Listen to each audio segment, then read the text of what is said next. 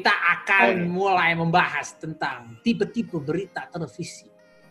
Apa saja yang ada. Silakan Bapak Carlos. Hai guys, selamat malam guys. Aduh, ini kita kita bertemu lagi dalam suasini ya, suasini yang lebih santai, bukan suasana. Kalau suasana di sana. Jadi kita bertemu di sini, makanya saya sebutnya suasini. Hai Gocir, ke mana? Kok menghilang? Lagi ngomongin ya, lampu baik. ya? Ya baik teman-teman. Aduh, ini jadi jadi uh, apa? Saya kembali mengingat masa-masa awal nih jadinya. Masa-masa awal belajar masa-masa VO. muda, masa-masa muda, ber apa berbelas berbelas tahun lalu. Iya berbelas. uh, udah lama ya, Pak. Kalau anak tuh udah lulus SMA tuh. Yo, Nah, jadi apa namanya? Selamat malam semuanya. Semoga semua sehat-sehat. Ya, aku juga sehat di sini. Ya, ada beberapa permas permasalahan, tapi permasalahan teknis saja. Nah, jadi malam ini kita akan uh, janjinya kita akan membahas VO, voice over, SOT, sound on tape, terus VO, SOT, voice over, lalu ada sound on tape.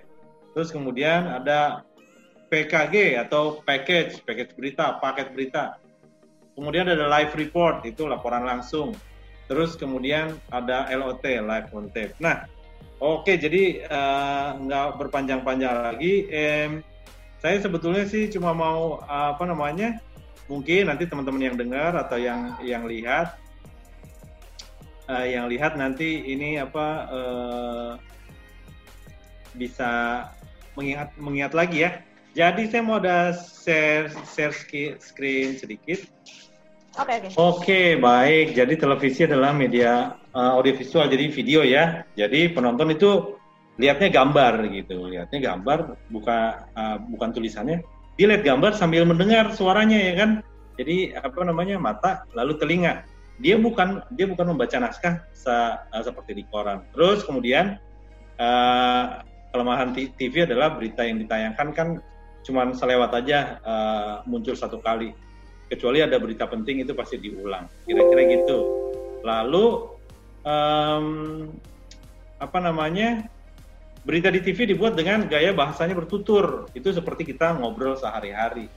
Uh, makanya kita harus menulis naskah seperti gaya orang berbicara. Artinya kalimat bertutur tur tur tur. Bertutur. Jadi seperti kayak cerita ke teman kayak begini atau cerita ke anak kecil.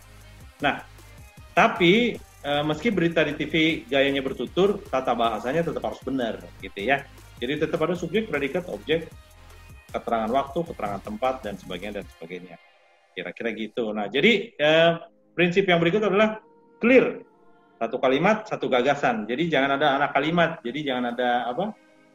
Anak kalimat itu jangan jangan seperti apa? Banyak yang. Itu kalimat, kalimat bentar, iya, yang, kalimat. bentar yang. Iya, yang yang akan tetap akan tetapi akan tetapi gitu. itu jangan kita kita hindari jangan kita hindari eh, kalimat eh, perut ular di mana perut ular itu kan panjang ya. Eh, perut ular itu harus kita hindari.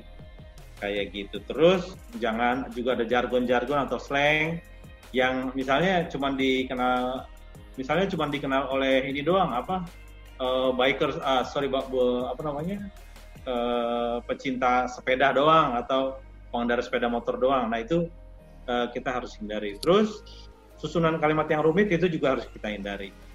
Nah seperti itu. Jadi jangan banyak angka, jangan jangan ada angka di awal kalimat karena bisa membingungkan.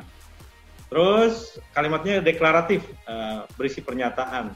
Kalimat-kalimatnya pendek. Jadi um, menurut riset itu kalimat yang pendek lebih mudah dipahami dan lebih kuat ketimbang kalimat-kalimat panjang. Nah, jadi kita harus mencoba membatasi agar setiap kalimat yang kita buat itu dari awal sampai titik itu nggak lebih dari 20 kata. Karena kalau udah udah dari lebih dari 20 kata udah itu sudah seperti pesan berantai. Nah, nah terus kalimatnya ditulis dalam bentuk kalimat aktif. Nah, jadi kalimat aktif itu lebih kuat ketimbang kalimat pasif. Ya, di mana-mana kan memang yang aktif yang aktif pasti lebih maju daripada yang pasif. Kira-kira sih eh, seperti itu ya, apa namanya eh, soal angka, soal ini, soal angka itu kita bikin simpel aja. Terus kalau soal singkatan itu eh, eh, kita sebutkan singkatan-singkatan yang sifatnya sudah umum, sudah misalnya ITB, IPB gitu ya. Jadi eh, yang sudah cukup dikenal KPU gitu ya.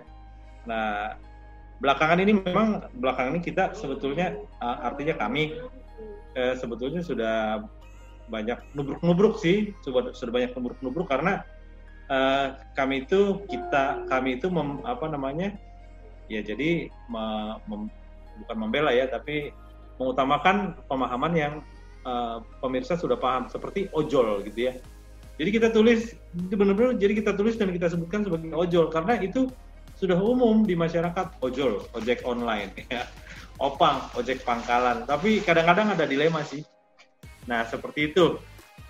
Uh, ada ada kalimat, ada akronim-akronim atau singkatan singkatan-singkatan yang kurang dikenal.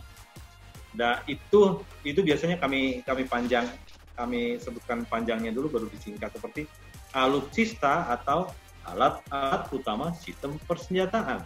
Kira-kira Terus um, uh, berikutnya nama gelar secara sederhana, identifikasi eh, itu apa namanya uh, name make news. Jadi artinya uh, misalnya Gubernur DKI Jakarta Anies Baswedan. Di depan kita pakai gubernurnya, tapi di kalimat-kalimat berikutnya kita pakai Anies, Anies, Anies itu sebetulnya uh, sudah bisa. Seperti itu kira-kira. Nah, jadi